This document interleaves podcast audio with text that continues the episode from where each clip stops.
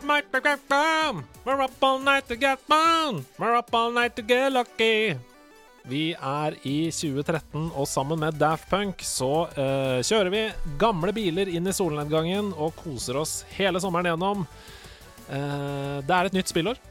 Det er masse deilig å gå gjennom, og nok en uke, akkurat som forrige uke, så har jeg med meg hele Norges Niklas Alvorsen, aka Nick fra Level Up! Hello again. Hello again. Åssen har du hatt det siden sist? Ja, det er nå som det er en uke siden. For oss også, ikke sant? Ja, ja, ja. Eh, Det er fortsatt, eh, fortsatt like varmt. Uh, Vi sitter på, sitter på de samme plassene. ja, ja. Begynner å bli sliten nå. Sliten i rumpa. Jeg er sliten i rumpa. eh, Og 2013 er et like stort blur som 2012. Hvor var du i 2013, husker du det? Bare sånn kort. Ja, fordi da var jeg på Da er jeg 100% sikker. Da, da mener jeg at jeg var på videregående. Ja. Mediekommunikasjon. Hvor gammel er du, kan jeg spørre om det? Eh, Åh, nei, jeg ikke hva, hva er det der, da? Enten 22 eller 23, tror jeg. Ja, ikke sant. Nei, men sånn, Jeg glemmer også hvor gammel jeg er. Om jeg er 32 eller 30. Når er du født, kan jeg jo spørre om. Ja, fordi det er det, da. det er uh, 90, 96 eller 7, tror jeg. Du Jeg, jeg, har jeg, nei, jeg, jeg, altså, jeg har helt glemt de tallene der etter at jeg ble 20. Ja, hvis du er født i 96, så er du sannsynligvis eh, 24. Hvis du er født i 97, så er du sannsynligvis 23. Eller okay. 22. Ja, Eller. Nei, det, det er vanskelig spørsmål. Når har du bursdag? Hvilket, hvilket, når på året har du bursdag? Januar.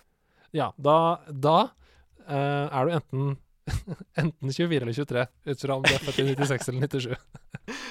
Ja, hva sier vi det? Jeg sier alltid bare rundt, rundt 20. Det er et eller annet sted der. La oss anta at du gikk på videregående i 2013. Ja, jeg er ganske Ja, jeg tror det. Mm. Ble det tid til spilling, selv om du gikk på videregående? Det er jo en veldig stor overgang. Man føler jo at man liksom, nå skal man prestere og medier og kommunikasjon og Gikk du på Elvebakken eller noe sånt? Jeg gikk på Hellerud. Du gikk på. Hellerud? Nydelig strøk, da. Jeg har eh, bodd på Skøyenåsen selv. Jeg liker det området veldig godt. Ja, og det, det ble helt klart tid for spilling. Masse. Det var eh, Vi hadde veldig god frihet, egentlig. Eh, Det mm. var med det at vi fikk et prosjekt på starten av uka, og det skulle være ferdig til slutten, liksom. Mm. Så vi lagde liksom eh, Vi lagde en del av timene selv. Vi hadde jo ting som norsk og norsk og matte og engelsk og alt det der, men det var som regel media som var i fokus, da. Og da var det perfekt å ha litt tid til spilling. Perfekt. Jeg tror vi bare kjører i gang. Eh, 2013 er et fantastisk spillår, det også. Herlighet. Det er en god tid å være gamer rundt eh, 2012-2013. Eh, jeg begynner jeg med 22. januar. Ron Gilbert, eh, en legendarisk regissør i spillverden, teamer opp med Double Fine Productions, eh, et selskap som vi vet rommer mange andre legender, spesielt innen eh, pek og klikk og actionspill, sånn som Psychonauts. Jeg snakker om det lille puzzle platform adventure-spillet The Cave.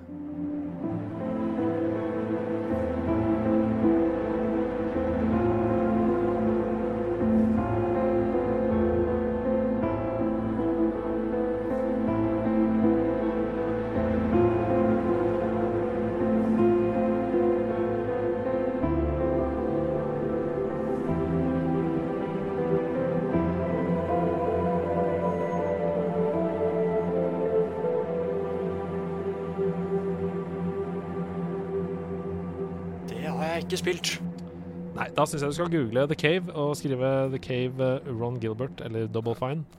The Cave det er uh, et spill som er uh, Ja, jeg, jeg digga det så veldig da jeg spilte det første gang. Jeg spilte det på PlayStation 3.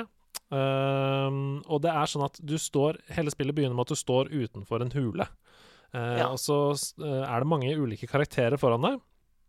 Og så skal du velge deg tre karakterer som du skal bruke til å komme deg gjennom denne hulen. Ah, interessant. Uh, og du kan velge hvem du vil av de tre som Nei, du kan velge deg tre Altså, samme hvem du velger, så kommer du til å klare å runde spillet. Ja. Så du kan velge de som står utenfor. Og derfor så kan du spille det flere forskjellige Nei, flere ganger, ikke sant? Fordi uh, sammensetningen av de tre karakterene uh, har noe å si for hvordan du løser de ulike puzzlene inni den hulen. Ja. Så for eksempel så er det en karakter som kan kaste dynamitt og kan sprenge seg vei, mens en annen kamp måtte reise i tid, ikke sant. Så det, er- du kan løse puzzlene på ulike måter. Uh, og det husker jeg følte sånn Wow, dette er en helt ny måte å tenke på. Uh, fordi utviklerne, når de lagde de puzzlene, så må de jo ha tenkt da uh, det må være mange måter å løse dette ene puzzlet på, ikke sant? Ja, det er god planlegging, altså. Mm. Og det er jo en veldig fin humor der. eh, en del ting som sies på rim. eh, og generelt et veldig koselig, lite søtt eh, spill. Så hvis du er glad i små sånne puzzle-opplevelser eh, Jeg ville trekke det frem. Det er liksom et helt uh, Ligger rundt kanskje sju, åtte av ti for meg personlig, men en veldig fin opplevelse. eh, og spesielt da for de som liker spill som Portal, eksempel, så er det noe å plukke opp. Da starta du både 2012 og 2013 med spill jeg ikke, ikke visste om, faktisk. Det var meningen. Det var dramaturgi. Ja, Nei da. Det var ikke det. Uh, vi hopper litt frem i tid. 26.3.2013. Dette spillet har du hørt om. Hvis ikke så må jeg bare stoppe opptaket her og si kom deg ut og hjem og spill det. Uh, det, Eh, ja, ja. her er det en deilig hovedperson. Han heter Booker DeWitt. Jeg snakker om Bioshock Infinite. Will the circle be unbroken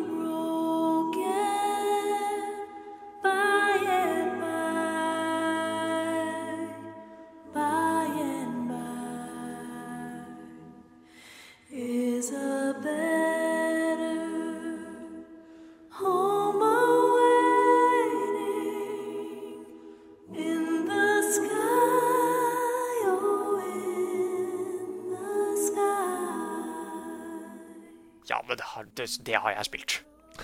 Fortell. no fear. Det har jeg spilt. Fortell om, eh, fortell om både Bioshock-serien og Bioshock Infinite. du. Eh, jeg elsker det første Bioshock. Mhm. Mest fordi jeg hørte at det spillet hadde en av de beste plot-twistene of all time. mm. Jeg er veldig veldig glad i plot-twister. Jeg elsker altså, i hvert fall gode plot-twister. da. Akkurat når uh, det kommer til Jeg vet at jeg sa at vi kunne spoile hva som helst i 2012-podkasten, men akkurat nå så har jo Bioshock-pakka kommet i remaster uh, og Ja. var nettopp gratis på PlayStation Plus. Så Derfor så tror jeg vi skal droppe å spoile akkurat den twisten du snakker om der.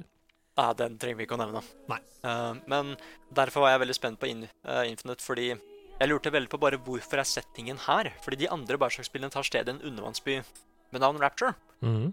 Så jeg, så jeg var kjempegira på bare hva er koblingen her. Mm. Og enda viktigere, bare har dette spillet her en svær twist? For nå har jeg, nå, jeg er vant til twister i den serien her, så da er jeg veldig spent på om det er en svær twist her. Og hva, hva, eh, Heter det Colombia? Colombia, ja. Ja, ja, ja. Det er en fantastisk setting. Mm. Og det er sånn derre perfekt sånn derre Det her er Det er litt fantasy, liksom. Men dette her Jeg kan se for meg at det har skjedd, liksom. Det her kan ha skjedd. Det er akkurat passe weird, liksom. Mm. Noen har litt mye penger, liksom, og lager noe kult. Um, og så er det bare så fly. Ja, ikke sant? Og så er det bare så mange mysterier der og sånn. Mm. Ja, og gameplay i seg selv, da, i tillegg til at verden er helt magisk og, og stor, og du føler at alt kan skje, og, eh, og historien er så creepy og rar, og eh, hoved, eh, den kvinnelige hovedpersonen, Elizabeth, som du, som du liksom geleider rundt, hun har noen sånne merkelige krefter og kan på en måte åpne sånne tears mellom tid og rom, eh, Ja, ja, ja. og fortid og nåtid og fremtid. Og, og det, er sånn, det er masse sånne rare, creepy ting som skjer, men oppi alt det der, så er jo gameplayet kjempegøy. Gunplay er dødsbra, det er gøy å skyte folk, det er gøy å bruke ulike skills. Ehm, ja. Og så har du denne hooken. Du kan drive og hoppe fram og tilbake rundt omkring Colombia. Mm, mm, mm, mm, Nei, Så love it. mm. Love it! Jeg er kjempespent på neste Bioshock. De har begynt å snakke om det nå. Ja, det har jeg ikke fått med i det hele tatt. Nei, det har bare vært at uh, de spurte fans bare Hvor tror du det neste spillet skal ta sted? Ja. Så, det, så det er bare Nei, vet du hva, jeg skal ikke. Skal ikke, skal ikke gjette. Bare blow me away, rett og slett. Da håper jeg det er en ny historie, for jeg føler at Booker DeWitt sin historie, den er, den er fullført. Ja, så vil jeg bare ha en helt annen setting for å liksom finne de koblingene, da. Mm. Hvorfor heter det Bioshock? Hvorfor er vi her, liksom? Ja, helt enig. Det er jo masse politikk i Bioshock-spillene, um, og du kan trekke veldig mange linjer fra de spillene til uh, både den tiden de ble lagd i, men også til moderne politikk, uh, som jeg syns er interessant. Ja, ja. Ok, vi hopper videre. Uh, en rak motsetning til et spill som prøver å si noe om verden vi lever i. Den 9. april 2013 så kommer det en liten perle som jeg ikke tror folk helt forsto hvor egentlig bra var, før litt seinere. Um, jeg har spilt det på Vita, og det var en av mine favorittopplevelser på PlayStation Vita. Jeg snakker om Guacamelee.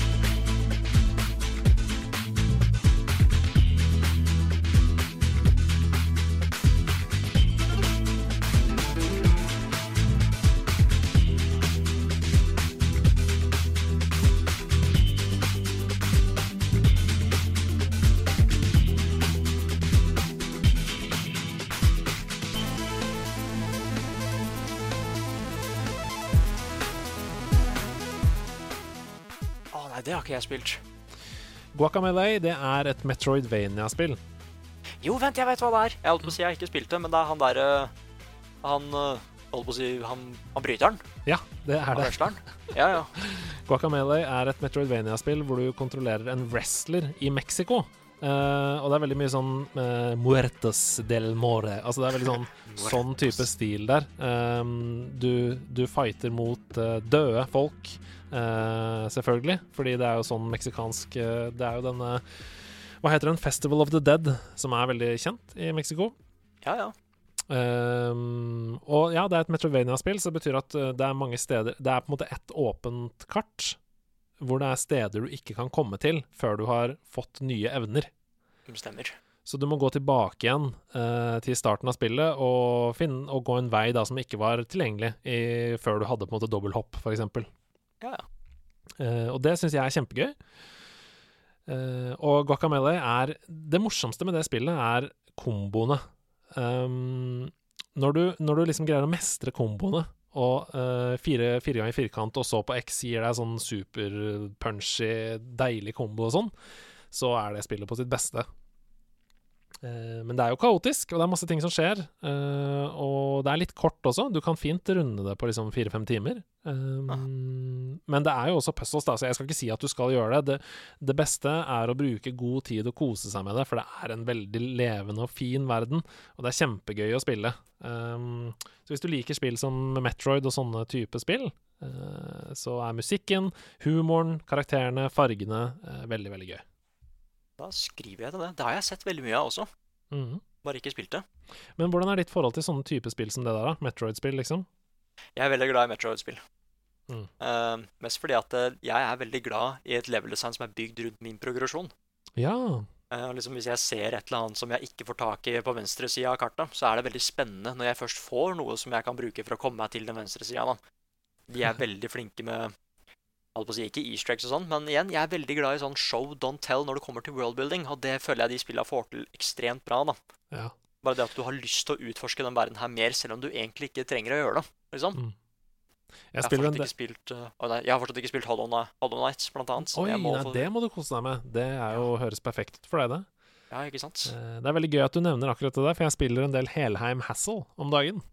Ja. Og det er jo også litt på samme måten. At uh, du tar, det er en sånn taxi som tar deg rundt i verden. Og det uh, er jo steder som er utilgjengelige da, i starten, men som du kan komme til etter hvert. Mm. Jeg holdt også et troféskap til Ocarina of Time uh, for et par episoder siden av Nerdelandslaget, og da snakka jeg om det at måten vi spilte det spillet på, var at hver gang vi fikk noe nytt, f.eks. da vi fikk hookshot for første gang, så måtte vi gå tilbake gjennom hele spillet og prøve hookshoten alle steder vi hadde vært. Ja, ja. Ja, veldig gøy. OK. Uh, jeg, jeg merker at 2013-episoden er litt sånn personlig, for jeg har valgt ut mange spill som jeg har kost meg med. Og det er ikke sikkert du har spilt dette her heller. Jeg lover deg at det skal bli bedre. Det er en åtte-ni spill her som virkelig er i spillhistorien. Men akkurat dette er nok ikke nede i spillhistorien, bare min egen personlige. Det er en liten arkadeshooter som du sikkert kommer gjennom på en 10-15 timer, men det overraska meg såpass mye, og jeg ble så glad i det at jeg ville ta det med her. Jeg snakker om Call of Juarez Gunslinger.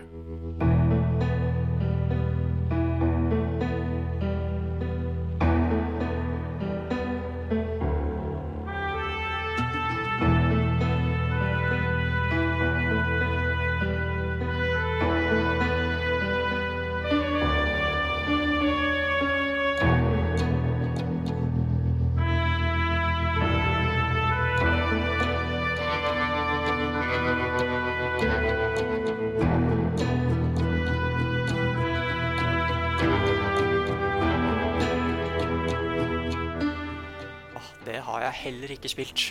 Nei, Call of Juarez uh, er basically eh, Red Dead Redemption i arkadeversjon. Ja. Det er akkurat det det er. Det er Du um, Spillet er bygd opp av ulike baner, på en måte. Altså, du blir jo satt i en western-setting, men uh, det fortelles på den måten at du går inn på en uh, saloon. Eh, og så sitter du og hører på en fyr som forteller på en måte skrøner eller historier fra, Ah, ja, fra den ville vesten. Og så spiller du deg gjennom de, da. Ah, det er kult. Det er veldig gøy. Uh, settingen er da uh, bounty hunteren Silas Greaves som er ute og jakter på disse på en måte legendariske uh, westernkarakterene. Ah. Vi skal ikke bruke så veldig mye tid på det. Det er et førstepersons skytespill. Eh, du har bullet time, du har dueller mot andre, gunslinger-dueller, som er kjempegøy. Um, og um, du kan finne sånne nuggets of truth, som er sånne collectibles, eh, hemmelige ting rundt omkring. Eh, og det er generelt bare et kjempegøy PlayStation 3-spill som du ikke trenger å tenke så veldig mye over. Du bare spiller og koser deg, eh, liksom. Ja, men det er mer enn nok for meg. Fra et spill som du ikke trenger å tenke noe over, til et spill som kommer til å sette uslettelige, evige spor i deg, og som jeg mistenker at vi kommer til å bruke de neste hvert fall ti minuttene til å snakke om. 14. juni kommer oh, shit, nå kommer det det. Nå kommer jeg trodde var mitt favorittspill, The Last of Us.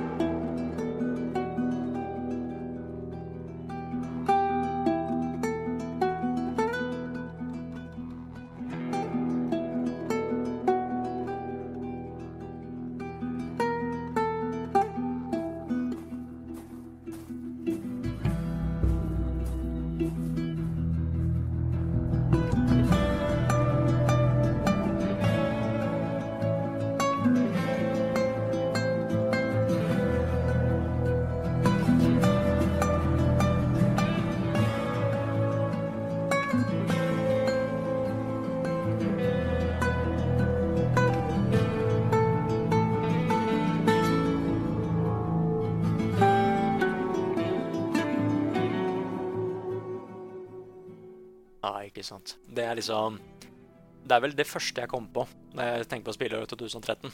Mm. Eh, Det er eh, Det var litt sånn spesielt òg, fordi jeg var ikke egentlig Det tok ganske Jeg var ikke helt solgt på det da det først kom. Nei. Jeg visste at Jeg, visste, jeg stolte liksom på Naughty Dog at de skulle lage kult spill, men jeg syns det var så mange klisjeer på starten. Liksom at det bare Ja, de, de har en sånn Det er en litt sånn annerledes versjon av zombieutbruddet, så klart, men det er fortsatt zombier, syns jeg. Jeg ser fortsatt på det som The Zombie Apocalypse. Mm. Og så var det Du styrte en person som skulle reise gjennom Amerika for du skulle, du skulle frakte en jente. Mm. Eh, som, kan jeg, kan jeg si det? Hvorfor du skulle frakta? Er det greit? Ja da, herlighet. Ja, ja, fordi hun er jo immun på dette zombieviruset. Mm. Sier bare zombieviruset, med immun mot viruset. Og jeg bare ja, Jeg skjønte liksom hva spillet skulle gjøre, at de er jo uvenner på starten, og de må jo bli bedre kjent med hverandre gjennom den eh, turen her. Mm. Men uh, altså Slutten på det spillet der, det er nok kanskje liksom den beste spillslutten jeg har spilt. Det er grunnen til at jeg ikke hadde lyst på Last of Us 2. Fordi Mm. slutten var så perfekt i det første. Jeg er også enig i det. Det var veldig sånn um, spill Spillerne ble liksom splitta av den slutten, for jeg så mange som var sånn 'Å, det er så dritt. eh, slutt. Jeg vil jo bare vite alt hvordan det gikk', og sånn. Men for meg så Ja. var det helt perfekt. Jeg trengte egentlig ikke noe mer eh, etter det første. Veldig glad da jeg fikk par part to og fikk vite at det skulle komme, men eh, jeg, jeg var helt eh, tilfredsstilt, jeg, etter den slutten. Ja, ja og, så, var det så kult med at det, jeg, jeg følte at det, det at jeg var litt usikker på det spillet først, gjorde det så mye sterkere. Fordi jeg trodde jeg visste åssen det her skulle gå, da. Mm. Men så skjer denne slutten, og bare Det, det snudde helt. Ja. Jeg ble også veldig glad i karakterene, så klart. Altså, jeg ble jo så klart eh, De gikk gjennom, de går gjennom ganske mye tull og tøys, disse folka her. Mm. Men det, men det er et, den slutten der det, det, skal, det skal liksom ikke forundre meg at de Da han skulle lage denne historien her, Neil Druckmann, så starta han ved slutten, liksom. Mm. Meningen var å fortelle den slutten. Nei, altså for å spole litt tilbake, da. Du, du sier jo zombievirus, og det er jo det, det er jo et zombiespill, men uh, denne mm, pandemien som bryter ut Det er faktisk det som skjer. Det er en pandemi Ah, ja, som bryter ut, akkurat som uh, koronaviruset i 2020. eh, er basert på et virus og en sopp som eksisterer i naturen. Og det er en sopp som eksisterer nå i dag, i Uff a meg. 2020. Det er en sopp som tar over hjernen til den skapningen som den infiserer, og gjør den ekstremt aggressiv eh, og voldelig. Eh, og det skjer ofte i dyr, da, denne Mm. soppen. Det som eh, The Last of Us eh, gjør, er jo at denne soppen tar over mennesker, eh, og gjør dem til versjoner av seg selv som bare er ute etter å drepe, spise og ødelegge. Eh, og den verden er den du prøver å leve i. Det handler om smugleren Joel, som har mista troen på menneskeheten, og som eh, en dag får et oppdrag, nemlig å eh, få Ellie, en liten jente, fra punkt OA til punkt B. det er det spillet går på. Ja. Hva syns du om Altså, det er ikke noe Historien vet jo alle at det er en av de beste spillhistoriene som er lagd. Men hva Ja. syns du om gameplayet i The Last of Us? Ja, fordi det er det eneste som holder det litt tilbake for meg, da. Og jeg Mhm. husker også det da jeg spilte òg, at det er uh, eh, jeg skjøn Det skal jo være litt clunky, fordi du spiller jo ekte folk her, liksom. Uh, du spiller ikke noen superheroes. Mm. Men uh, problemet jeg hadde litt med det, var at stealthen og sånn i det spillet Det hender jo at du må gjennom sånne områder hvor du ikke skal tiltrekke deg bråk, liksom. Disse, Mm.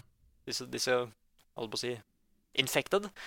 Eh, og der var et sånn par ting som de ikke hadde helt naila ennå. Og det Mm. husker jeg de prøvde på Uncharted-spillene også. Naughty Dog. Uh, så, så det er liksom det eneste som holder det spillet litt tilbake igjen. Men det er en så liten ting, da. Hvis du setter det opp mot historien og sånn. Og karakterene og musikken og liksom presentasjonene. Nei, så jeg det, det, det, Jeg husker at jeg måtte spare det spillet så lenge jeg hadde det. Liksom at Nei, nå har de gått en stund. Nå, nå venter vi litt før jeg spiller mer, da. Jeg ville at det skulle vare så lenge som mulig. Ja. jeg, ble så, jeg ble så fort investert i det. Jeg husker veldig godt at vi, det, vi var en vennegjeng som spilte det sammen. Og det var helt altoppslukende, altså, i den perioden vi spilte det. Det var den sommeren der, sommeren 2013. Ah, ripp, ass. Vi gjorde ingenting annet enn å grille og spille The Last of Us. Eh, det var helt, eh, helt fantastisk. Eh, vi skal ikke gå inn i en lang diskusjon om The Last of Us Part 2, for jeg vet at vi står litt front mot front meningsmessig om det, om det spillet. Um, men uh, ingen kan ta fra det første spillet uansett at det er et av historiens uh, beste TV-spill. Hell yeah. Vi skal videre til en helt annen sjanger og et helt annet spill. Jeg er litt sånn spent på om du har spilt dette. Eh, og om du ikke har spilt det, så er jeg ganske sikker på at du i hvert fall kan snakke om det likevel. Okay. Den 9. juli 2013 så kommer Valve med et spill um, som baserer seg rett og slett på en mod, men som viser seg å starte en ja, hva skal jeg si, en kjedereaksjon av dimensjoner. Jeg snakker om Dota 2.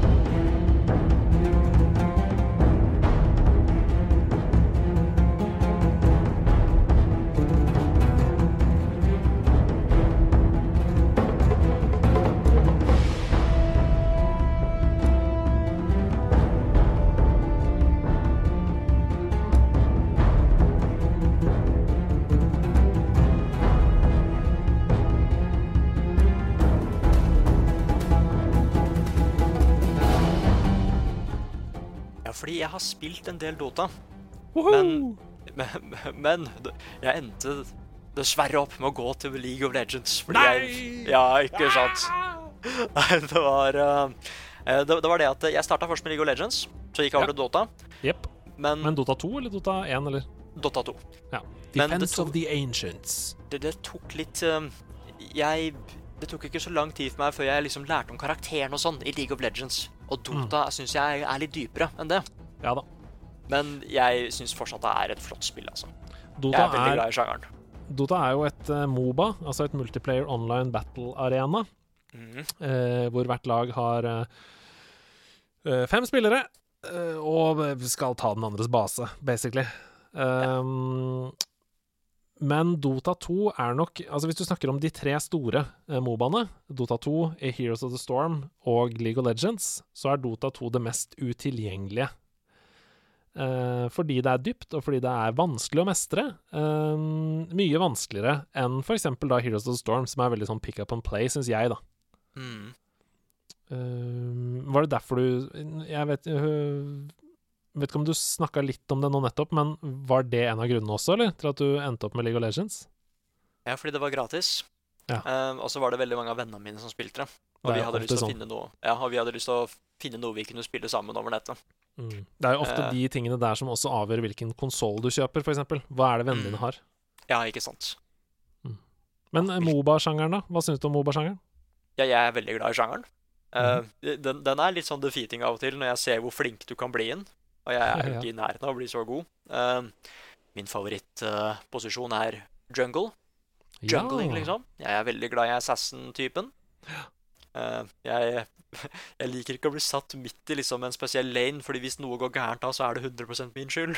Så jeg liker liksom, så jeg liker liksom å ikke ha det ansvaret der. At jeg kan gå rundt hele mappet, og hvis det er noen som trenger hjelp, så hopper jeg inn dit og tar dem. liksom. Ja. Det er det jeg liker. Skjønner. Um, hva, er, hva hadde vært ditt drømmemoba? Hva, hvilke liksom Hva er det Dota mangler som du ønsker deg i ditt drømmemoba? Å ja, sånn, ja. Eh, nei, fordi den er litt sånn vanskelig òg, med at det, det er ikke egentlig noe det mangler, men jeg, jeg har ikke gått ordentlig inn i den verden der. For jeg har Nei. spilt liksom uh, mye League of Legends. Jeg lærte meg, lærte meg om karakterene, lærte meg om verden. Jeg har spilt utrolig mye Smite, blant annet. Ja. For det er jo gresk Det er jo alle mytologiene samla på ett sted, liksom. Mm.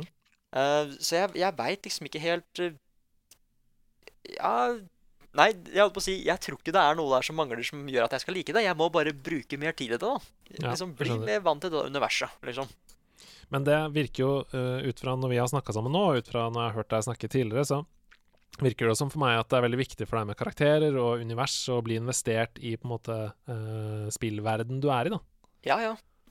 Um, så det er vel kanskje det som mangler, da. Ja, ja, kanskje. Det er, mye av det er min egen skyld. Ok, fra et Moba til noe helt, helt annet, som du også har spilt for første gang i 2020. Eh, den 7. august 2013 eh, så kommer det et bitte lite spill som Ja, fy søren.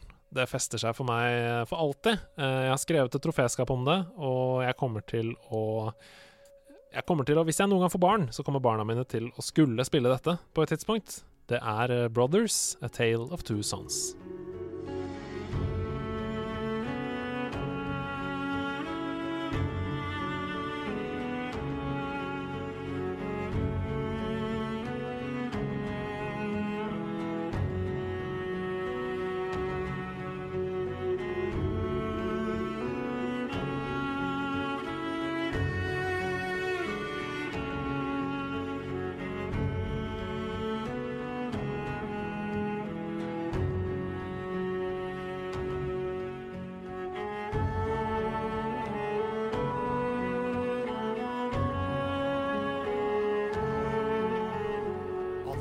Skal spille det! Oi, oi, oi.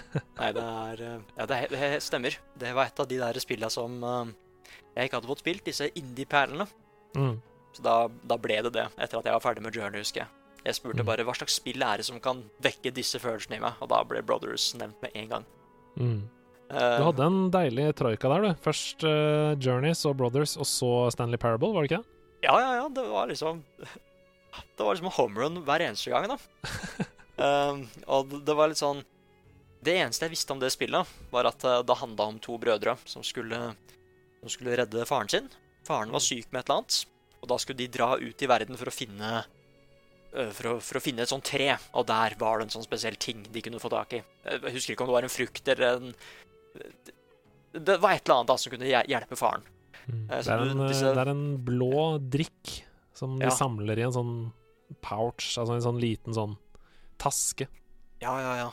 Eh, Så da blir de sendt ut til denne egentlig veldig sånn nordiske fantasiverden, liksom. Det er troll, og det er eh, sånne her eh, Er det egentlig så nordisk? Nei, jeg kan ikke si Jeg holder på å spoile. Jeg holder på å spoile, jeg kan ikke si hva det er. Mm, ja, Det er jeg altså- vet hva du altså tenker på. Ja, ja. Men jeg ble litt satt ut fordi kontrollsystemet i det spillet der er at Mm. hver joystick kontrollerer hver bror, da. Eh, så det var at liksom Hvis den broren som egentlig er på venstresida, plutselig gikk, opp, gikk til høyre, Mm. så, så bare krasja hjernen min. Bare, Ja, ja. nå, nå skjønner jeg ikke hva som skjer. Nå er jeg helt fullstendig desorientert. Mm. Uh, og jeg ble litt sånn irritert først. Bare hvorfor har du et så irriterende kontrollsystem? Kunne du ikke ha designa det her annerledes? Men det funker så bra til historien, altså. Det er så viktig. Uh, Ja. Og um, that moment Ja. Blir jo så utrolig mye bedre nettopp av det kontrollsystemet. Mm, helt sant. Um, for de som ikke ønsker å høre hva jeg snakker om nå, så er det bare å hoppe videre. Uh, Cirka tja, ett minutt kanskje frem i tid i podkasten. Her kommer det. Eh, mot slutten av Brothers, eh, A Tale of Two Sons, så eh, er det jo sånn at eh, du styrer jo venstre bror med venstre del av kontrollen din, og høyre bror med høyre del. Det gjør du hele spillet. Mm. Eh, den ene broren dør på et tidspunkt, sånn at du Ja. bare Du styrer bare den andre broren. Mm. Og mot slutten av spillet så er du nødt til å bruke den døde broren sin trigger for å komme deg gjennom eh, en oppgave, og det er å krysse et vann. Fordi den yngre broren kan egentlig ikke svømme, eh, men den eldre broren kan det, og gjennom hele spillet så har du sittet på hans rygg. Nå er han død, eh, men på slutten så må du da bruke hans trigger button for å komme deg gjennom eh, vannet. Og det er så viktig og stort og kult løst. Ja, jeg hadde ikke lyst til å innrømme det da jeg streama det, men jeg begynte å grine. Det var sånn derre eh, Mest fordi det var et ganske tøft puzzle, syns jeg. Jeg ante Mm. ikke hva jeg skulle gjøre. Jeg har sett streamen der du står Jeg har sett streamen, og det er så jeg, jeg har jo ikke lyst til å si noen ting. Men når du går tilbake der tusen ganger for å lete etter sånn Er det noen vei her, da? Um, Ja, ikke sant? Jeg bare, Hva er det jeg skal gjøre? Men så bare helt tilfeldig så bare trykker jeg på en knapp, liksom. mm, Jeg bare, jeg prøver alt, liksom. Og, du, og det det er den derre Der har du den derre show don't tell-in som jeg er så glad i. mm. Ingen sier hva som skjer. Du, du bare skjønner konteksten med en gang. Ah, det var, det var magisk. Det var sånn Det var perfekt spill å streame hvis man ikke har gjort det. Det som er helt rått å tenke på, det er jo at Brothers um, kom jo i 2013 til Xbox 360, og så kom det til PlayStation i september, en måned etter. Men det spillet er jo lagd for Nintendo Switch. Og det kom jo nettopp til Nintendo Switch i mai 2019, seks år etterpå. Og Ja. tenk å spille det med to forskjellige joycons, da. Hæ? Ja, jeg er litt opp og ned på det, faktisk. Er, er du det? Det er jo en helt annen opplevelse. Da, da har du jo venstre bror i venstre hånd, og høyre bror i høyre hånd. Ja, men nå, hmm, nå må jeg være forsiktig og ikke spoile. Nå veit jeg ikke om folk har skippa, skippa nok. Men det som skjer på slutten Jeg veit Ja. ikke åssen det hadde vært hvis det er to forskjellige kontrollere. Mm. Jeg skjønner hva du mener. Nei, Den er vanskelig. Jeg, det, det må jeg liksom tenke litt på. Ja, jeg skjønner hva du mener, men det vibrerer jo så veldig også i den delen av kontrollen, så jeg tror at du hadde fått den samme feelingen, tror du ikke det? Ja, kanskje. Ja. Ja, Den er vanskelig. Ja, det er interessant. Jeg, jeg skal prøve å spille gjennom det på Nå kommer jeg aldri til å greie å ehm, komme tilbake i det samme mindsettet som jeg var da jeg spilte på PlayStation, PlayStation 3 første gang, selvfølgelig. Men jeg, jeg skal prøve det på Switch og så um, føle, føle meg gjennom. Ja. Vi hopper videre eh, fra et eh, eventyrspill som er eh, blant de beste i sin klasse, til det beste plattformspillet som er lagd. Jeg Oi. bare sier det. Dæven. OK. Den eh, 29. august 2013, slutten av sommeren, vi har eh, grått oss gjennom The Last of Us og ler oss gjennom Rayman Legends.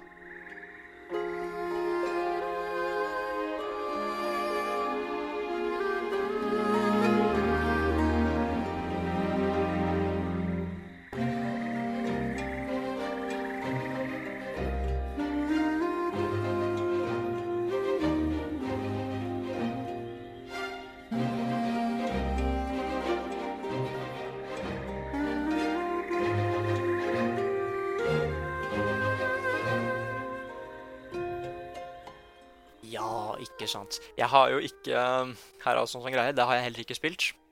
Nei. Men vi har jo en uh, Det veldig, er jo en Rayman fuckings skandale! Nick, hva er det du driver med? Skandale! Nei, vi har jo en ganske svær Rayman-fan i Level Up.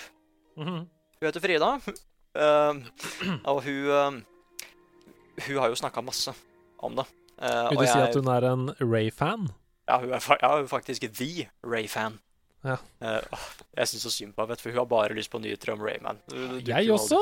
Ja, jeg er jo helt lik som henne. Hver eneste gang det kommer en pressekonferanse med Ubisoft, så er jeg sånn Nytt Ra- Rayman, nytt Rayman, nytt Rayman. Ja, liksom, And one more thing, liksom. Åh, Eh, men oh, ja, det er en ny cinematic trailer til Beyond Good and Evil 2. OK. ja, ja, ikke sant. Jeg er spent på, spent på det òg, men det er ikke Rayman. Nei, men jeg har sett uh, Jeg elsker humoren. Jeg elsker liksom bare stilen til det spillet der. Mm. Eh, og nå er det sånn der Games Done Quick også, som har speedrunna det. Jeps. Og det er, det er helt klart sånne sånn platformer som jeg kunne digga, liksom. Mm. Uh, men jeg har blitt spoila på flere av disse her eh, musikkbretta til det spillet. Jepp. Ja, så, så jeg veit liksom ikke helt om jeg kommer til å kose meg like mye med det hvis jeg hopper inn det nå. Det gjør du. Jeg, tror- jeg tror du gjør det. altså Det som er så bra med Rayman, både Origins og Legends da, Vi skal ikke snakke så mye om det, for vi snakka inngående om Origins med Sebastian Brunestad i en tidligere Sidequest. Ja. Eh, men det som er så bra med det, er jo det responsive kontrollsystemet. At eh, det føles eh, ja, litt som vi snakka om tidligere, som en dans, på en måte. Eh, og de beste Sonic-spillene de gir deg jo følelsen av å ha en flow, ikke sant. Du har en, fra, fra du starter å spille Sonic-banen til du kommer i mål, så er det bare sånn fu, fu, fu, og du treffer alt, og du trykker på X på riktig tidspunkt, og du hopper, og triggerne er bare sånn supersmooth og digg. Mm. Sånn er også Rayman Legends, da. Når du kommer inn i en sånn flow og bare wallhopper og pow, pow, pow, og alt treffer, og det er bare sånn Ja, nei, det er en utrolig deilig følelse. Ja, det er digg. Mm. De spillene har eh, fantastiske soundtracks, eh, utrolig kreative baner og kan bare spilles og spilles og spilles. Det er masse deilige challenges, og det blir bare bedre og bedre. Så hvis du enda, etter å ha hørt på nerdelandslaget i 2500 timer, som du kanskje har gjort, eh, ikke har spilt Rayman Legends, så altså herregud, er det et av spillene vi har snakka mest om, da? Jeg lurer på det. Eh, plukk det opp hvis du ikke har gjort det enda. Ah, Kanskje det kunne vært en kul stream? Det kunne garantert vært en kul stream. Um, akkurat som at f.eks. Ori and the Will of the Wisps også er en veldig fin stream. Det er litt uh, samme greia. Ja, ok. Mm. Um, vi skal videre. 17.9.2013. Uh, vi hadde altså først spilt uh, masse tårevåte opplevelser i The Last of Us. Så koste vi oss med Arkade gjennom Rayman og plattform. Og så kom det spillet som tok hele resten av 2013 for meg. Jeg spilte, jeg spilte bare dette resten av 2013, og ganske langt ut i 2014. Ja. Oi, oi, oi, oi, oi, så mye forventninger jeg hadde til det, og det innfridde jo på absolutt alle fronter. Det er Grand Theft Auto 5.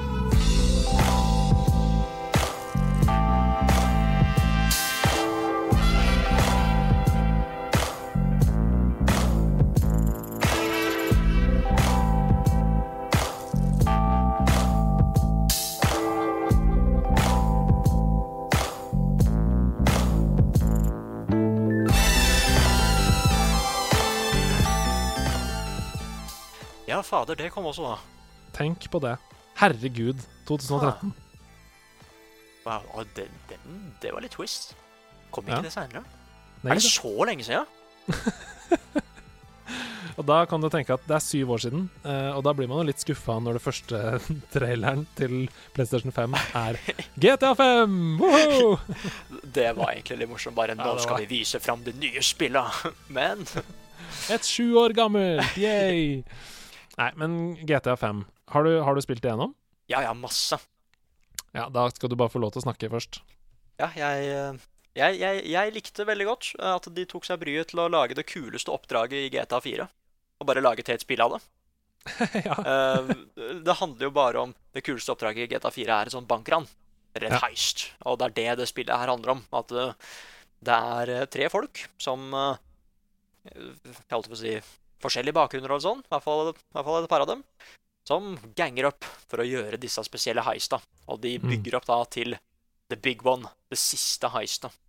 Mm. Uh, jeg likte det kjempegodt. Mm. Jeg har spilt så mye multiplayer. Uh, ja, altså GTA 5 eh, Da vi begynte å høre rykter om det spillet, så skjønte vi jo at de hadde enorme ambisjoner for det. Det er jo sånn at det er en tredelt historie. Eh, det er tre karakterer som du når som helst, når du spiller, kan bytte til. Du kan bytte fra den ene til den andre og, og hoppe rett inn i vedkommendes historie isteden. Eh, og disse tre historiene jo går jo inn i hverandre, eh, og hvilken avslutning du får, avhenger av hvilke valg du har tatt i løpet av spillet. Um, det er jo helt rått i et GTA-spill. Jeg mener Man skal passe seg for å si dette, men jeg syns GTA 5 er et perfekt spill. Oi, Jeg finner, jeg finner ingenting å trekke det for. P-ordet. Men hva, hva skal man trekke det for, da? Jeg finner ingenting å trekke det for. jeg. Nei, altså, jeg kan nok um, Den er litt sånn der vanskelig, fordi hvis jeg liksom sammenligner det med Jeg er nok mer glad i Red Dead, liksom. Ja. Red Dead, Mm. på grunn av historien, blant annet. Ja. Um, det er um, mest, mest fordi at den vekker litt mer følelser i meg enn Mm. uh, GTA, kanskje. Men, men den er jo perfekt i det den skal være, da. Mm. Den skal ikke være 100% seriøs. Det handler jo om en gjeng som skal rane banker og sånn. Ja. Nei, så den er litt vrien, men, men jeg, jeg kan se det. Det, det som er greia for meg, og grunnen til at jeg sier det, er fordi jeg har jo vokst opp jeg, eh, Mitt første GTA-spill var GTA 2. Eh, top down. Spilte det masse på PlayStation 1. Og så spilte jeg GTA 3, så spilte jeg Vice City, jeg spilte eh, San Andreas, jeg spilte GTA 4. Um, og GTA San Andreas er det GTA-spillet jeg har spilt klart mest.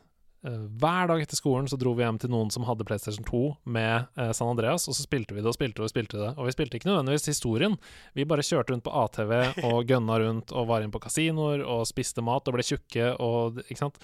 Det, vi bare levde i GTA San Andreas. Ja, ja.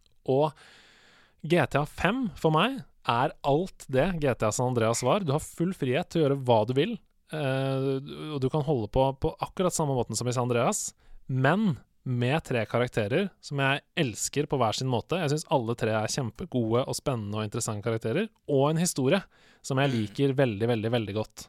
Eh, og da blir det det perfekte spill for meg, og det handler jo noe om min bakgrunn òg, sant. Hvem jeg er som gamer. ja, ja, ja. Mm. Ah, jeg spilte også kjempemye San Andreas da vi fant ut om cheat codes og sånn. Ja! Jetpack og flyvende biler. Oi, nå er det Å, hundre. det var så gøy! ah, jeg, altså um, Lenge etter at jeg på en måte var ferdig med GTA 5, da, så satt jeg liksom bare på Skøyenåsen i leiligheten min og kjørte bil og fulgte trafikkreglene uh, rundt omkring. Åh, Og tok den der Highway 1 som går rundt hele mappet, og bare kjørte rundt hele mappet og hørte på radio og bare Bare levde, liksom. Det er så deilig. du var GTA 5. Ja, Jeg var GTA 5. Du var GTA 5. Jeg spilte ikke så mye online. Jeg spilte, eller så mye, jeg har vel kanskje en 20-30-40 timer i det også, så jeg, jeg har jo spilt en del. Ja, ja. Men um, Nei, jeg har spilt mer enn det, vet du. Men, men, um, men du har jo høres ut som du har spilt det veldig mye. Ja, i hvert fall Eh, online. Ja, ja, men det er det jeg mener, da. Online-delen eh, Mm. spesifikt. Hva er det du liker med den online-delen? Det, det satte seg nemlig aldri helt for meg. Uh, var det at det er et Det er mer et partyspill. Jeg brydde meg ikke så mye om progresjon og sånn. Mm. Og jeg hadde en gjeng som likte å spille det. Ah, Uh, så jeg, det var ikke helt for meg først, liksom. For jeg syns gameplayet til GTA ikke helt egner seg som en multiplayer Liksom hovedgameplay, liksom gunplay og sånn. Mm. Det, det, det passer kanskje ikke helt for meg, men du fikk sånne skikkelig morsomme minispill, eksempel eh, det jeg liker aller best. Jeg husker jo ikke helt hva det heter nå i farta. Der hvor det er Du har en gjeng med spillere som starter på motorsykkel, som får ti sekunders forsprang, og de andre har fighter jets som skal ta dem ut Ja. de når sitt location, liksom. Det er veldig gøy. Ja, ja, ja, og bare sånne ting som det der. Eller bare at du har så mye frihet i denne åpne verden som er hele gamelobben, liksom. Mm. Det er det jeg liker veldig godt. Mesteparten er bare at vi tuller og tøyser, egentlig. Men har du hatt samme opplevelsen i Red Dead 2 online? Nei, ikke helt. Jeg hadde Nei. det i Red Dead 1 fordi det var litt mer sånn arcady, liksom. Mm. Eh, Men i Red Dead 2 så har de det at de har eh, De går litt mer for realisme.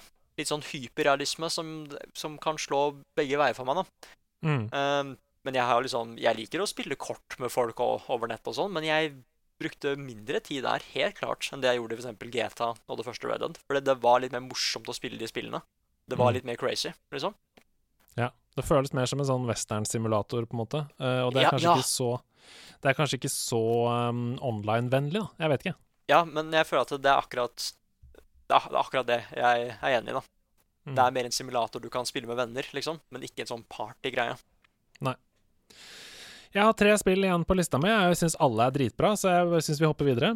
Okay. Um, det er uh, oktober. Den 29. oktober 2013. Jeg spilte ikke dette spillet fordi jeg spilte naturlig nok GTA hele resten av året, men eh, jeg spilte dette i 2014. Eh, og grunnen til at jeg ikke spilte det da det kom, var fordi jeg hadde gitt opp serien. Eh, jeg var ferdig med det. Jeg tenkte nå, nå er det bare en cash grab, jeg orker ikke mer. Men guri malla så feil jeg tok. Jeg snakker om Arr, eventyr på The Seven Seas, Assassin's Creed 4, Black Flag.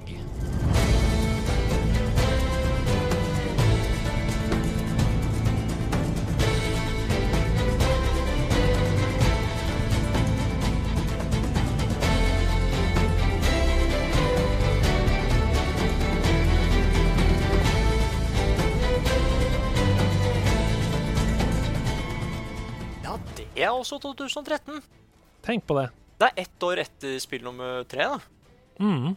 Ha. Nei, vent, da. Det kom det i? Jo, 2012, jo. Jo, stemmer det. Mm. Ja, det er Jeg tror- eh, Jeg tok ikke med det i den forrige episoden, for jeg syns ikke det er så veldig bra. Nei, altså, det hadde ikke så bra slutt. Men uh, det var uh, Jeg er kjempeglad i Black Flag. Mest fordi Mm. at jeg ikke helt ser på det som et Assassin's Creed-spill. Jeg syns det er the pirate game, liksom. Jeg er helt enig med deg. Det føles ikke som Altså, de har jo tatt um, motoren fra Assassin's Creed 3, Mm. Um, og liksom Jeg føler at de har tatt Altså, litt som at um, Far Cry Primal bare snudde kartet fra det forrige Far Cry og ja, ja. lagde det til en sånn. Så føler jeg at Assassin's Creed 4 Black Flag er liksom Ja, det er basert på mange av de samme assetsene og sånn, da, fra Assassin's Creed 3. Mm. Men det føles ikke som et Assassin's Creed. Jeg er helt enig med deg. Fortell litt mer om det. Nei, fordi at det er Hovedgameplayet er jo bare at du seiler rundt på havet i denne båten din, ikke sant?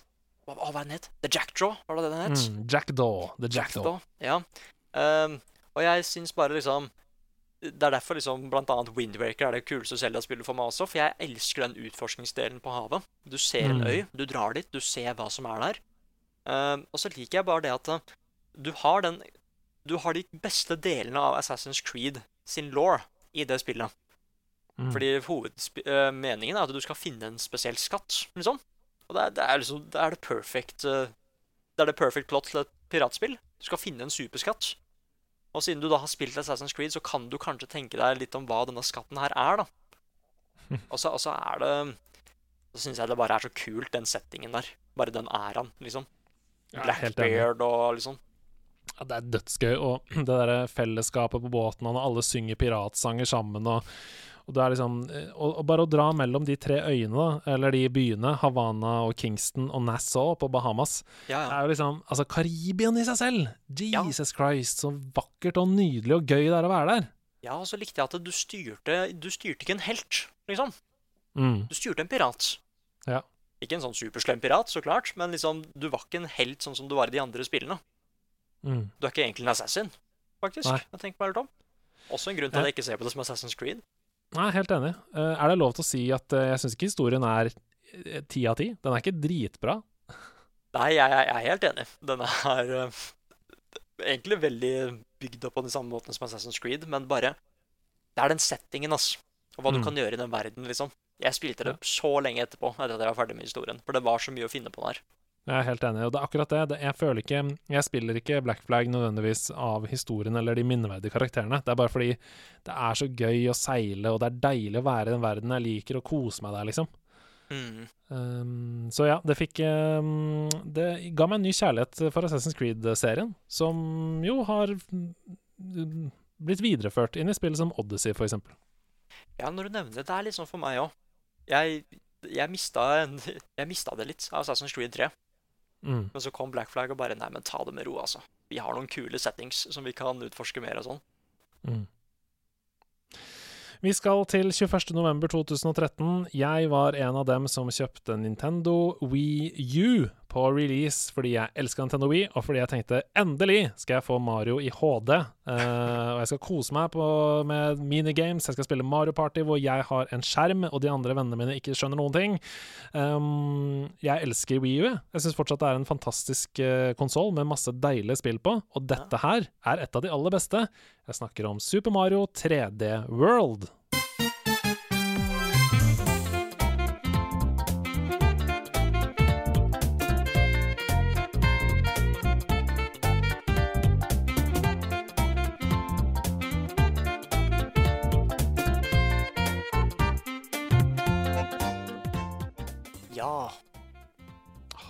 Katte-Mario! Tenk at du kan være katt! ja, det er et bra partyspill, altså. Altså, Super Mario 3D World er eh, et kjempebra plattformspill. Ja. Um, det er det sjette um, 3D-plattformspillet i Mario-serien. Og en direkte oppfølger til da Super Mario 3D Land, som kom til 3DS i 2011. Ja. Eh, fortell om ditt forhold til Super Mario 3D World. Eh, Jeg spilte gjennom det Først så spilte jeg gjennom det én gang med én kompis. Og så fant jeg tre andre til som ikke hadde spilt det, så da spilte vi gjennom fire stykker. Og det er sånn Jeg, jeg, jeg syns det, det hele det konseptet her er så gøy med at du har en bane du skal gjennom, liksom. Mm. Men at det fortsatt er et konkurranseelement der. Mm. Med denne krona og sånn. Ja, ja, ja. Ja, det Jeg elsker det. Det er skikkelig kult. Og så er det level-designet er perfekt for flere spillere. Mm. Ja, det er Og det er uh, Alt det du nevner der, er kjempebra. Uh, mange kvelder på Skøyenåsen hvor jeg har kost meg skikkelig med masse venner uh, og spilt det sammen. Men jeg syns også det er utrolig digg å spille alene. Um, progresjonen er kjempebra. Det er som et klassisk eh, Mario-spill, som Super Mario Galaxy. Det blir vanskeligere og vanskeligere, og mot slutten så må du være skikkelig god, liksom, for å komme deg gjennom. Men det er du jo også, da, fordi du har blitt bedre og bedre og mestrer det mer og mer. Ja, ja, ja. Um, mm. Og soundtracket, herregud. Det er umulig å bli i dårlig humør av den musikken. ja det, det har jeg liksom jeg, jeg, Når jeg anmelder spillet sånn, jeg venter egentlig bare på muligheter hvor jeg kan bruke det soundtracket. Ja. Det er et av de spillene der, liksom. Ja. Nei, jeg tror det er litt glemt fordi det kom på Wii U, men um, Men uh, det, er, det er det samme teamet som lagde Super Mario Galaxy, og det merker du. Uh, det er fullt av overskudd, masse deilig kreativitet. Um, og jeg tror at hvis det hadde vært på en uh, konsoll som solgte mer, så hadde det nok uh, for historiebøkene vært uh, høyere opp på folks topplister over ja, plattformspill i Mario-serien. Ja, det var igjen uheldig med konsollen. Selv om jeg likte den veldig godt. Ja, ja, jeg likte også Wii U veldig godt. Eh, synd at folk trodde det bare var en upgrade eh, til de eksisterende Wii-konsollen. Mm. Jeg har sett eh, mange sånne sinte anmeldelser av Wii U-spill hvor det står Hæ, jeg kan ikke spille det på Wii, jeg kjøpte det, og jeg kan ikke, det funker ikke på Wii-en min. Det det sier om, Ja. det sier litt om hvor liksom krasj det var å markedsføre det med det navnet. Den burde jo hett noe helt annet. Vi to. Ja, den burde ikke hett noe med Wii i det hele tatt. Den burde hett Nintendo Å ja. um... Power. Nintendo Power. Akkurat som det gamle magasinet. Vi skal til det siste spillet på lista mi fra 2013. Det har vært et deilig år, og deiligere skal det bli. 22. november så kommer nemlig et av de beste Zelda-spillene som har kommet på håndholdte konsoller, og kanskje det aller beste på 3DS. Jeg snakker om A Link Between Worlds.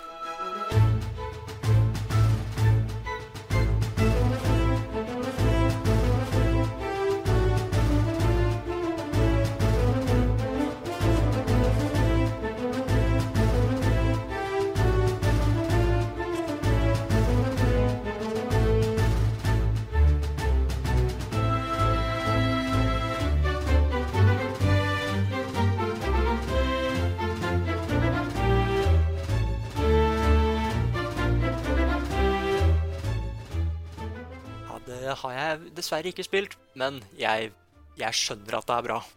Mm. Jeg har sett nok. Mm. Uh, jeg har ikke egentlig spilt Det er veldig mange av de eldre Zelda-spillene jeg ikke har spilt. Faktisk. Mm, Det er sånn topp ned-spillet. Ja, nei, altså Det som gjorde meg veldig veldig gira på Link Between Worlds da det kom, det var en av de første anmeldelsene jeg leste, hvor det sto sånn OK, dette er det beste Zelda-spillet eh, jeg har spilt siden A Link to the Past, eh, var det noen som skrev. Eh, og da tenkte jeg sånn Å ja, hvis du syns at A Link to the Past er det beste spillet, da skjønner jeg veldig godt hva slags spill dette er.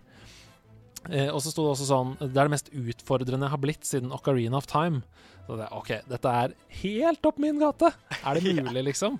Det er alle de tingene jeg syns er så bra med Zelda. Eh, og Link Between Worlds er jo eh, unikt fordi det er et top down-spill. Zelda-spill. Akkurat sånn som eh, Link to the Past, eksempel.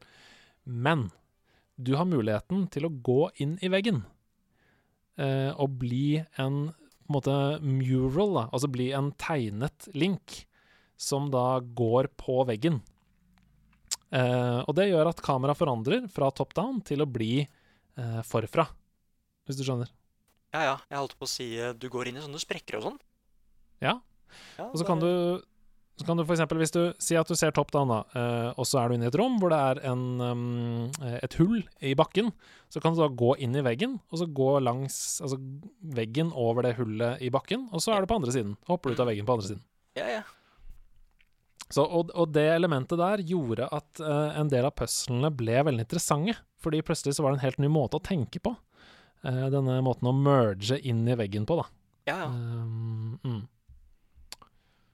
Så ja, jeg, vi trenger ikke snakke så veldig mye om det. Det er et klassisk Zelda-spill på uh, håndholdt. Du skal gjennom forskjellige dungeons uh, og eh, komme deg til den store, slemme bossen Ganon til slutt. um, og redde dagen. Men um, hvis du har en Nintendo 3DS og liker Zelda-serien, så er det Jeg mener at det er ved siden av Ocarina of Time som fins på 3DS, så er det det beste det det beste 3DS-spillet. Altså beste Zelda-spillet på 3DS. Jeg holdt på å si eh, Nevne én ting som kunne vært bedre. Eller syns du det er et perfekt spill? Å ja, nei, det er ikke et perfekt spill. Det syns jeg ikke. Ah. Uh, A Link Between Worlds, altså. Ja, ja. Var, skulle jeg nevne én ting som kunne vært bedre, eller? Eh, ja, hvis du, hadde, hvis du skulle gitt en score, liksom. Å ja, Uh, hvis jeg skulle gitt en score, så hadde jeg gitt en um, oh, ja, det, det er vel kanskje ikke lov å ha 0,5-ere, eller? Jo, jo, det er lov her. ja, nei, da ville jeg gitt det en um, kanskje 9,5. Av ti? men Det er jo nesten toppscore, vet. Så det Og grunnen til at jeg gir det 9,5 av 10, det er fordi at jeg syns at innimellom så irriterer Altså, den artstilen som er når Link er inni veggen, syns jeg er helt konge. Den er veldig sånn stilisert. Han, han ser ut som en sånn gammel uh, mural på veggen. mm. Og derfor så er det så synd, syns jeg da, at uh, hele resten av spillet er litt sånn Det ser ut som bare helt vanlige Unity assets, liksom. Å ja, sånn, ja. Uh, så når jeg innimellom får smak av noe som er så Altså, da, da The Windwaker kom, så var det veldig sånn wow, dette er noe helt nytt, ikke sant? Mm. Uh, og derfor skulle jeg ønske nesten at hele Link Between Worlds hadde også bare vært sånn som når Link er inni veggen. Men den, den ser jeg. Resten av spillet er litt sånn Det ser litt sånn bland ut. Altså, det ser litt sånn Ja, det ser bare ut som litt sånn dårlig animert. Eller sånn Pixar Ja. Men spillet i seg selv er kjempe, kjempegøy. Det er veldig, veldig gøy og veldig, veldig bra. Uh, som sagt, det er um, et av de beste håndholdte Selda som er lagd. Det ble mye Andreas-monolog på slutten her. Det beklager jeg. Ja, men jeg, det, det går helt fint, fordi jeg er Alle spillene du snakka om, er jeg nysgjerrig på. Mm. Eller bortsett fra det Ja. første, det hadde jeg ikke hørt om. Men de andre The Cave! ja. The Cave! Nei, eh, sjekk det ut hvis du eh, ble triggered eh, på en positiv måte av noe av det du hørte i dag. Eh, Nick, tusen, tusen takk for at du kom og var eh, gjest i Sidequest. Det var veldig hyggelig at jeg fikk lov til å være med. Mm. Så får du komme og være gjest i eh, hovedshowet vårt også, nederlandslaget, på et tidspunkt. Ja, ja, når, når- når situasjonen passer seg, så er jeg, så er jeg lett med. Jippi! Det gleder vi oss til. Hele Norge gleder seg. Se, oh. se, hører du? Ser du? De, tar, de strekker armene i været as we speak. Oh, That's pretty, pretty cool. Du får vinke til publikum og si ha det bra. Hva skal vi si ha det nå? Ja, ja, Ja, du, du må, du, det er du som må avslutte episoden. Å, ja jeg, jeg trodde Vi avslutta den samtidig sist gang. OK, men da snakkes vi senere, folkens. Ha det bra.